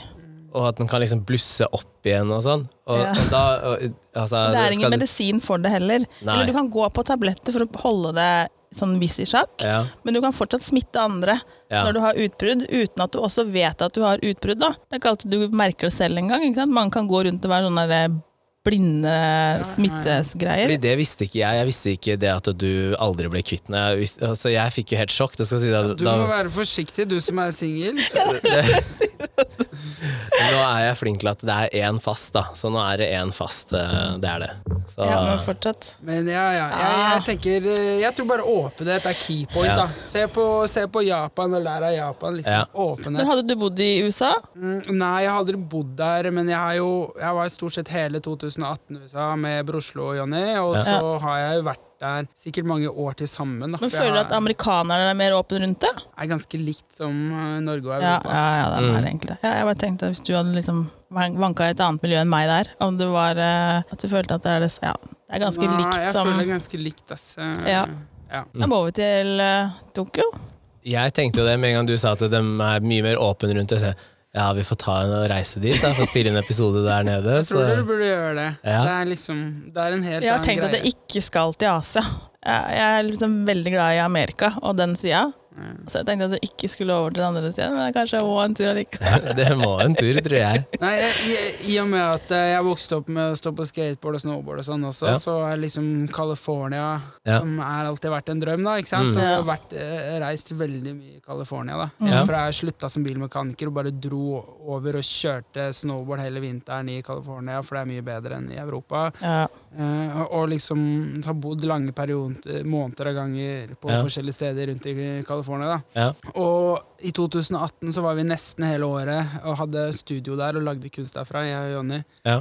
Men det er akkurat som at jeg ble litt kurert. ass. Ja. Jeg mist, mista litt gløden etter at jeg var der uh, kurert så lenge. for Ja, for, for kjærligheten min til, oh, ja, eh, for- til Los å ja, Angeles og, og USA og California. da Så du kunne ikke tenkt deg å flytte dit nå? ja, Det hadde ikke liksom jeg kunne likt det, men det er liksom veldig mange negative sider med det her. Da, Ja. som når du bor der hver dag, da, Ja. som du ikke merker når du er på ferie. Ja. Så når du bor der et år, så merker du veldig mange ting da, Ja. som er liksom ikke like kult med det. da. Hva la du merke til da? Det er liksom rush hour hele Ja. tiden. Du sitter er i kø, sant, det er- er lange avstander, Ja. og så er det fryktelig dyrt å leve der. Ja. Og det gjør jo forskjellen på rik og fattig veldig stor. ikke sant? Mm. Ja. Og så er det en rar by, Los Angeles også, da. Så det er liksom egentlig ingen som vil bo der, føler jeg. da. Alle Nei. bare bor der som, fordi det er business. Det skjer mye business der, så Ja. folk er der som en sånn mellomstasjon for å få til et eller annet de Ja. vil. da. Nå ser man at folk rømmer jo bort derfra, de som tjener mye penger, for at det er så høye skattesatser der. Mm. Så de flytter jo nå til Miami og, og ned til eh, Texas og sånn for å unngå skatt. da. Ja, ja, jeg, jeg er alltid litt sånn Jeg liker klimaet, jeg liker kulturen, jeg liker den litt friere hippelkulturen som California alltid har stått for. da. Ja. Venice Beach, liksom, og, og, og, og viben der, da, på en Ja. måte. Uh, og alle liksom surfestedene nedover mot San Diego og sånn. Det er liksom det er et kul, eh, kult klima og en kul, sånn, en kul eh, åpenhet og vibe liksom, som du kan være med i der, da. Ja. Hvis du vet hvor du, Ja. hvor du skal lete. på en måte. Så den, er, den liker jeg fortsatt, men liksom selve det å bo i Los Angeles så liksom, nei, det, er, det er heavy på en måte. ass. Jeg misunner ikke folk som bor der, eh, nødvendigvis. ass. Nei, for Jeg har tenkt at jeg har en forkjærlighet mot uh, New York. da. Altså, Jeg liker den type byer. Altså, Jeg trivdes jo i Melbourne også veldig, veldig bra, og, og Vancouver, men, uh, men New York er liksom sånn Hvis jeg skulle ha flytta til en storby og bodd der, så ville jeg valgt New York, men jeg har aldri tenkt over det at uh, kanskje jeg ville gått lei. da. Kanskje litt av den, der, den magiske følelsen som jeg har til New York nå, kanskje hadde blitt borte ved å bo der fast. da. Jeg tror kanskje det. ass. Jeg har også vært lengre perioder i New York hvor det har vært liksom ja, Jeg bodde der en sommer med eh, tre måneder. Jeg hadde leilighet i Brooklyn, Smith Street. Ja. Og liksom Det var kult, ass, men etter fire uker, etter åtte uker etter hvert, så på en måte forsvant litt av magien. da Ja. Fordi du, du får mi ja, Du har tråkka opp og ned Fifth Avenue nok ganger, og det er ikke Ja. det som er spennende lenger. da Så Nei. begynner du å se hva er det egentlig som er å tilby her. da Ja. så er det jo liksom både og. på en måte føler jeg Litt av magien blir borte, da og de Ja. hverdagslige tingene der er nødvendigvis ikke Mm. så kule eller så bra. da Ja. Det er litt sånn sånn eh, Det er både og. Nei, jeg elsker New York fortsatt, og jeg vil gjerne dra dit. Og Ja, det er lenge siden jeg har vært der nå pga. covid. og sånn ja. Men jeg, jeg tror kanskje noen ganger at det er fint å ha steder man bare kan reise til og stikke igjen. Altså. ja. Bare på ferie, ja. Ja, Tone er jo sånn Florida Det er der du Jeg er. Florida-fan. ja, det, kan jeg, det, det føler jeg deg på, Tone. Ja, det gjør det. Ja, jeg faktisk, De siste årene så har jeg også gått mer og mer over til Miami da fra Ja. New York. Ja, det er kult der. Fordi vi skulle egentlig vært eh, i, eh, i Florida i februar, I februar skulle vi egentlig vært der. for da skulle vi feire bursdagen til Tone. Mm. Eh, men nå ble ikke det noe av, så det er flytta et år. Så jeg er fortsatt ikke fylt 40. Nei, er Inviter bare meg, da, da får jeg sjansen å bli med. Ja, Jeg har en svær bil i Miami og masse greier der. Ja, Altså. fordi vi skal jo. Vi kombinerer det da neste år med at eh, vi reiser til Miami for å feire Tone, og så reiser vi opp til New York for å feire 30-årsdagen min. Ja, fett. Så, Så alle begge får sitt. Da får Ja. vi år, ja, ikke sant? så det er bare å henge seg på. Det blir jo, det blir Det uker. spørs to hvor mange som skal være med. Da, for hvis jeg, jeg må jo leie hus i forhold til hvor mange som Man må jo ha et hus. Ikke sant? Ja, for du får jo leid masse kule hus på Airbnb. Så jeg tenkte at det var en god plan. Og så er det Ja. litt sånn varmt der. Ja, Ja, det høres ut som et veldig god plan. Det som jeg syns kanskje er det kuleste sånn, med Miami, spesielt Miami Beach, da, ja, eh, i forhold til New York og LA, det er at det er en mye mer sånn åpen kultur. ja, Du kan stikke inn på alle hotellene selv om du ikke bor der, og spise lunsj Ja, ja, ja. der og møte folk. Og det, Ja. det føles mye mer vennlig, da. ja. Uh, versus LA New York er New York er veldig mye mer lukka. Mm. Det er veldig vanskelig. Jeg bodde tre måneder i New York. Jeg ble, fikk strengt tatt nesten ingen venner der. Altså. Nei. Så, Ja, det er lettere i Miami. Det er ganske lett å i komme i kontakt med andre mennesker. Og så har de jo sånn stort sånt art district i Miami som er kjempekult. Ja, det er veldig Mm. kult. Ja, så det er egentlig ganske kult. Jeg har lurt på sånn, eh, når du skal prise kunst, hvordan gjør du det? Altså, er det bare timer, materiale, størrelsesbasert? Eh, og hvem er det som egentlig bestemmer hva kunsten er verdt? Det er jo egentlig bare markedet, da. Så du må jo hele tiden prøve å være smart på prissetting i forhold til hva du tror folk har lyst til å betale for tingene dine. da. Ja, Så det er vanskelig. Eh, vi hadde jo veldig mye hjelp av han eh, Kai som vi snakket om i starten, som Ja. hjalp oss i gang, da, for han Ja. hadde drevet med kunsthandel hele livet. Så han hjalp oss liksom å prissette og, og, og lage, og lage en slags plan. da. Han sa du kan ikke gjøre hopp. Ikke sant? nei, Hvis du har solgt et maleri på en størrelse for en pris, ja, La oss si du har solgt et maleri på 1,50 ganger 1,20 cm, et stort, ganske stort maleri. Hvis det har kosta liksom 25 000, så Ja. kan det ikke plutselig et halvt år senere koste 50 000. Nei. Altså, Nei. du må bygge det opp sakte, på en måte. Ja. Ellers så vil de ellers, ja, ellers vil du på en måte ødelegge ditt eget marked. Og så Ja. hver gang du øker prisen, Ja. så kan du egentlig aldri gå ned igjen. Nei. Det er også vanskelig, så hvis du er supergira på din egen kunst, så sier du at her er helt rått, det her burde jo koste 100 000, Ja. eller 150 000.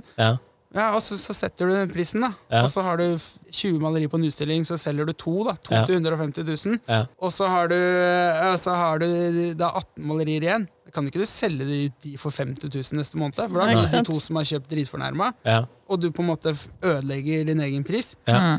Er sånn der, ja, jeg kjøpte dette for 150 000, jeg kjøpte det samme for 50 Ja. så eh, da har du et problem i markedet, da. Og Ja. ingen ville vite hva de skulle kjøpe og selge for på andrehåndsmarkedet. Ja. Sånn at eh, det handler mye om å være konsekvent og konsistent, da. ja. Så liksom tenke rolig og ikke Ja. bli for gira med å prise opp. Og så, Så brått sitter du med 18 kunstverk da, som du ikke får solgt, eller får solgt over en mye lengre periode igjen. da. ja. Men også er det noe med det også, fordi eh, det er sånn i Norge da, så er det mye lettere å selge mange små bilder i kunstverk Ja. enn, enn å selge store kunstverk. For Ja. det første så har vi generelt sett ikke så store hus og leiligheter som i New York og Miami, for eksempel. Ja. Og så, og så, så er det liksom den lette utveien. Da. Ja. Men hvis man da brenner for, sånn som jeg og Jonny har gjort veldig lenge, å lage svære ting, da, Ja. Mm. så har man et problem der. da. Ja. For som du også sa, det bildet burde vært svært. Ja. Ja. Ja, og jeg tenker liksom det må ta hele den veggen, tenker jeg da. Ja. Ja, Men, ja. eh, Men, og det tenker vi også veldig ofte. ikke sant? Ja. Man må ta hele veggen.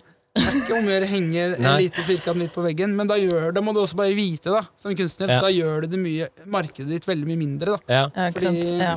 og det er derfor, men det er derfor de som safer det veldig ofte. Da. De der gjør prints og gjør serier og gjør Ja. mange små verk. ikke sant? Ja. Mm. Så vi har egentlig levd av å gjøre det stikk motsatte. da. Kunne Ja. selge svære malerier. Og da Ja. må vi selge til liksom, selge kanskje 50% i privatmarkedet og 50% til hoteller og bedrifter Ja. og møterom. Du må komme deg inn på det markedet. Altså, Ja. Det er du nødt til hvis du skal klare Ja, å selge de, de maleriene. Da. Det er vanskeligere, men Ja. det er mer utfordrende, og mer gøy da, og mer rewarding. Da, for du sant? kan Ja, lage svære ting. Ja, for jeg har kun Jeg har kjøpt ett kunstverk eh, for eh, jeg tror jeg seks år siden nå.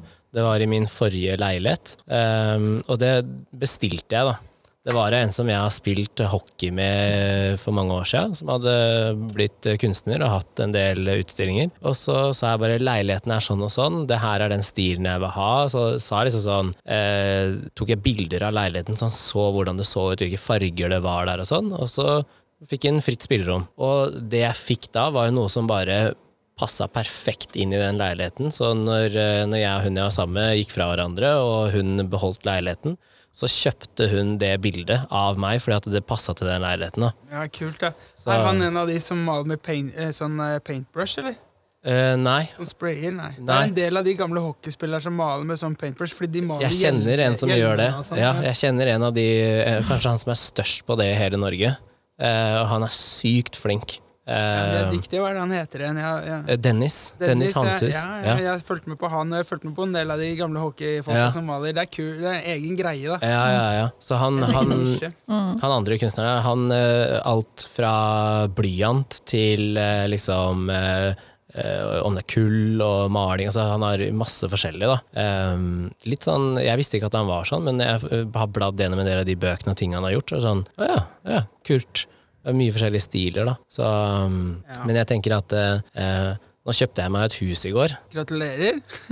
det vet ikke Tone. Nei, Jeg kjøpte et hus i går. Gjorde du det? Eh, Ja, det gjorde jeg. fy faen, altså. Eh, og det, noe av det første jeg tenkte der, var at eh, jeg skal holde av en vegg som jeg vil ha kunst på. For jeg tar, tar mye bilder, da, så hele greia mi er at jeg vil ha mine bilder som jeg har tatt, eh, printa opp også på veggen. Så jeg vil ikke ha andres bilder som fotografier. Da. Eh, men eh, ja, kunst eh, på en av de veggene, så blir det litt sånn Manhattan Loft-stil på en del av området. Ja, kult, da. Jeg har akkurat fått meg ny leilighet, jeg også, Ja. sammen med kjæresten min Hege. Ja, Så jeg er jo skamløs som jeg er, så kommer jeg også me mest til å ha min egen kunst oppe Ja. på veggene der. Ja. Men jeg får plass til noen andre. da Jeg skal ha et verk av en kunstner som heter Henrik Mikkelsgaard, og et av Julius Karobi, en kompis som er litt sånn, litt, som må ha litt andre. da Ja. Så det hadde, det hadde jeg ikke gjort for ti år siden. Det hadde bare vært Bare vært det selv? Ja. Sånn, det var det jeg tenkte skulle inn på. At eh, hvis, eh, hvis, jeg hadde, hvis du hadde vært med bort til det huset når det var ferdig, og så hadde du sett den veggen og sett stilen, får du da nok inspirasjon til å kunne vite ok, her- den veggen her burde hatt det og det kunstverket, liksom?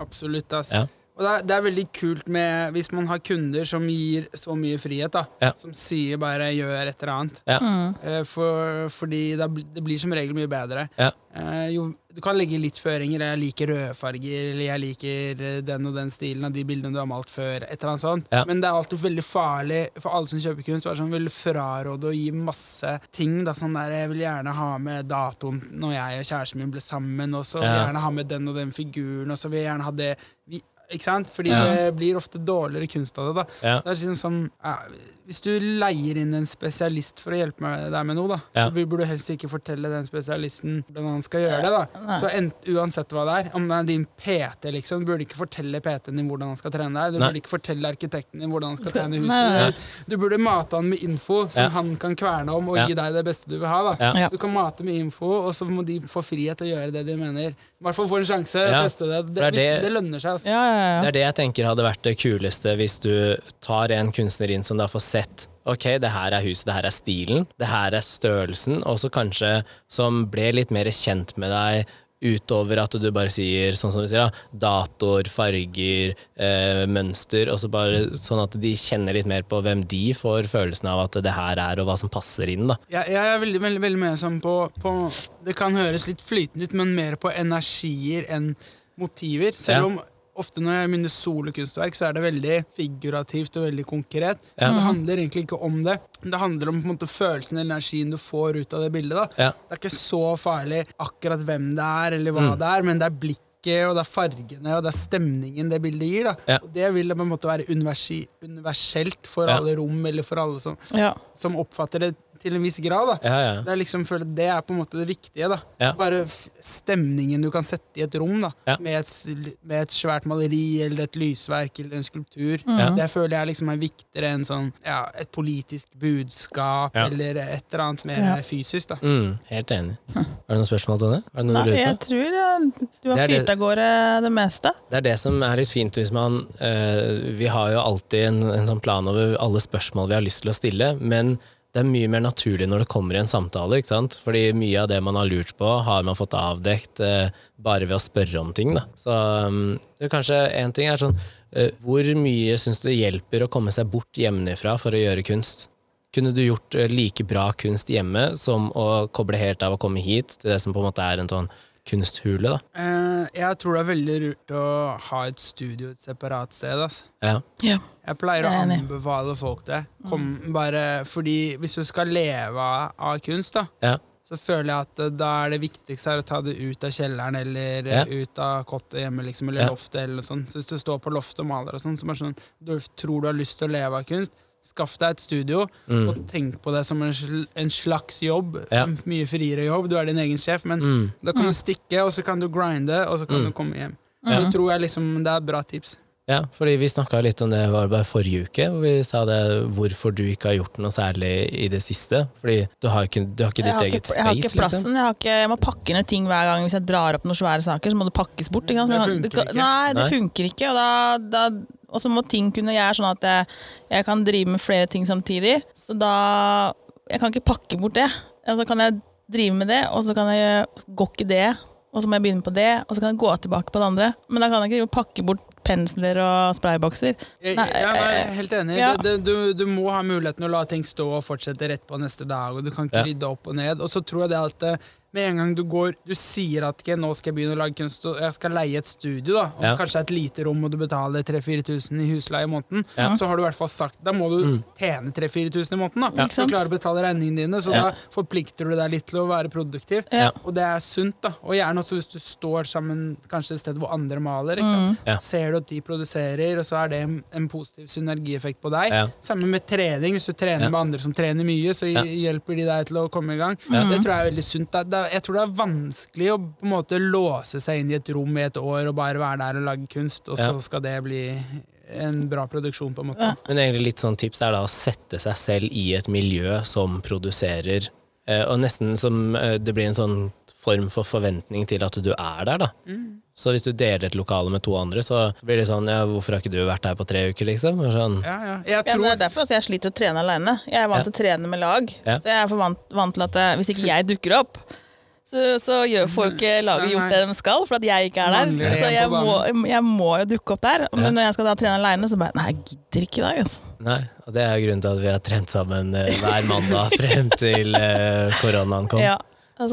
Ja, Jeg er sånn rar på det, fordi jeg, jeg liker også at det er andre rundt meg og Ja. og jeg liker at det skjer ting og sånn, men samtidig så er det et problem med lagsport. ja. Fordi det går, de går tilbake på autoritetsproblemet Ja, ja, mitt, og på en måte Å ja, den tenke der, ut av ok, boksen. Sånn at eh, jeg, det er, jeg er så midt imellom der, da, så jeg, jeg digger liksom at andre kan gire det opp, og jeg ser at andre gjør noe, Ja. så må jeg ta med sammen og gjøre noe. Ja. Det, det er positiv effekt på meg. Med masse sånne regler eller timeplan, og det er, hver tirsdag klokka sju og sånn, sånn det, Det har funker aldri ikke. funka for meg. Da. Og det er derfor og det tror jeg er for veldig mange. Og Det er derfor jeg tror liksom skateboarding og snowboarding og sånn har blitt Ja. stort. da Det var jo en eller annen, på en eller annen tid subkulturer, Ja. det Ja. òg. Ja. Ja. Men det er jo ikke nærheten av det lenger nå. Det Nei, er nei. jo super eh, allment. Ja. Så det er liksom sånn når Terje Håkonsen begynte å kjøre snowboard, da var Ja. det en subkultur. De Ja. fikk ikke lov til heisen, så de måtte gå opp og ned i bakken. liksom når, når skateboarding kom, og det var, for, det var til og med forbudt i Norge på et tidspunkt, det var en subkultur. Ikke sant? Ikke sant? Og så, og så, blir, og så blir det allment. Da. Så,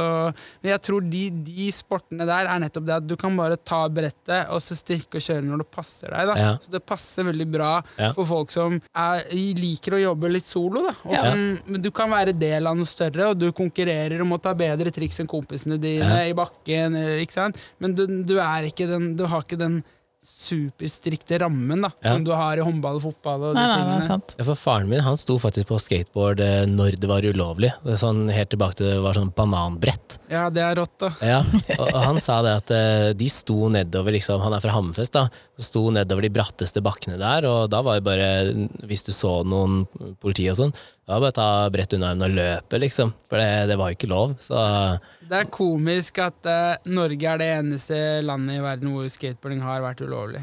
Ja. Ja. Iran, liksom, nope. Fullt lovlig å stå på skateboard. ja.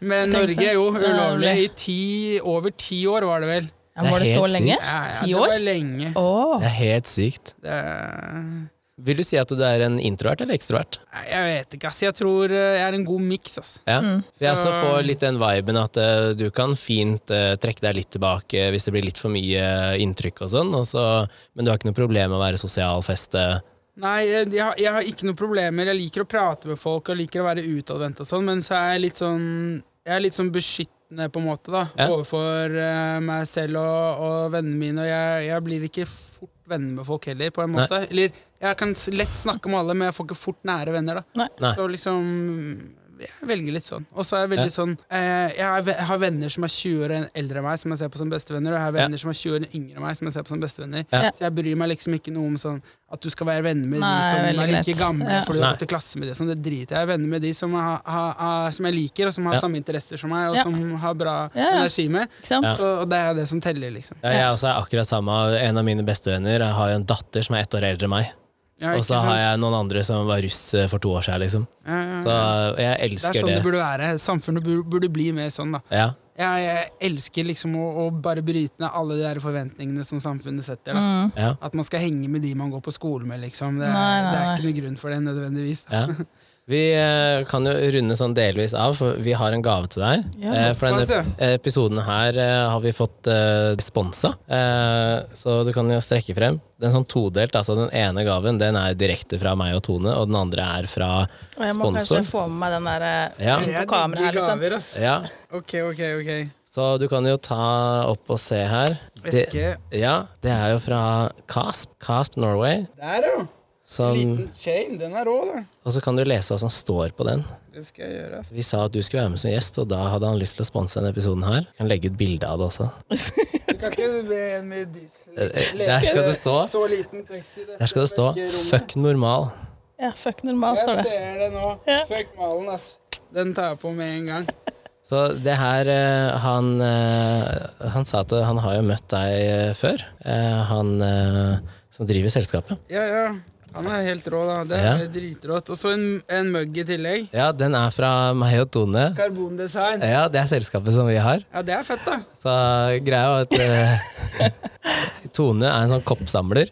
Ja. Ja, men jeg, ja, ikke sånn med, sånne Ikke sånne. ikke med firmalogoer, men Ikke jeg liker firma- sånn med ja. annerledes kopper. Ja. Ja. Og så tenkte jeg at uh, jeg skal lage en sånn kopp til Tone. Og så var problemet at uh, du får ikke bestilt opp én. Okay. Så jeg bestilte opp 48 stykker. Ja, rått. Så nå, jeg har masse kopper, og så tenkte jeg den der er litt kul, kan du ha den her ute? Ja, den digga jeg. Den var god å drikke òg. Så, Jeg liker svart, da. Matt svart. Er Ja. hele studioet mitt nede. og- ja, da skal du få se bilen min stå på utsida. Fett, fett. Så det er konge. Vi takker jo eh, Casp eh, Norway for, for sponsing av denne episoden her. Ja, og så takk. skulle vi få noe goodies, vi også, som eh, enda ikke er klart.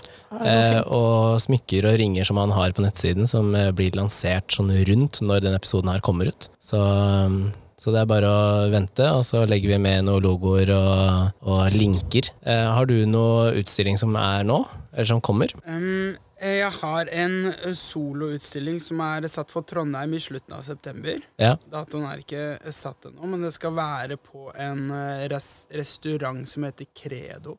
Med tilhørende galleri, da. Mm. Så um, det tror jeg kommer til å bli veldig gøy. Det er liksom første store utstillingen nå etter at covid begynner å løsne. Mm. Så tenkte å dra på med en skikkelig fest. da Ja. Lage et ganske sjenerøst arrangement. Lage det helt vilt. da ja. Så det er planen. Så jeg, Det er det jeg jobber mot. Ja. Så, så I Trondheim. K- eh, Trondheim, Credo i september, for de som har muligheten å komme. Det blir gøy. Det var det jeg også hørte nå, at eh, vi må ta en tur til Trondheim. hørte Vi jeg må nå. fly til Trondheim, eller kanskje Jeg har aldri vært der, ass, så jeg gleder meg. Nei, det, det blir fett. Ja, vi kan jo også legge ut når du vet mer om dato, så tar vi så legger ut og promoterer den også. Så eh, Kult. oppfordrer vi til å høre på alle andre episoder, og så høres vi i neste episode.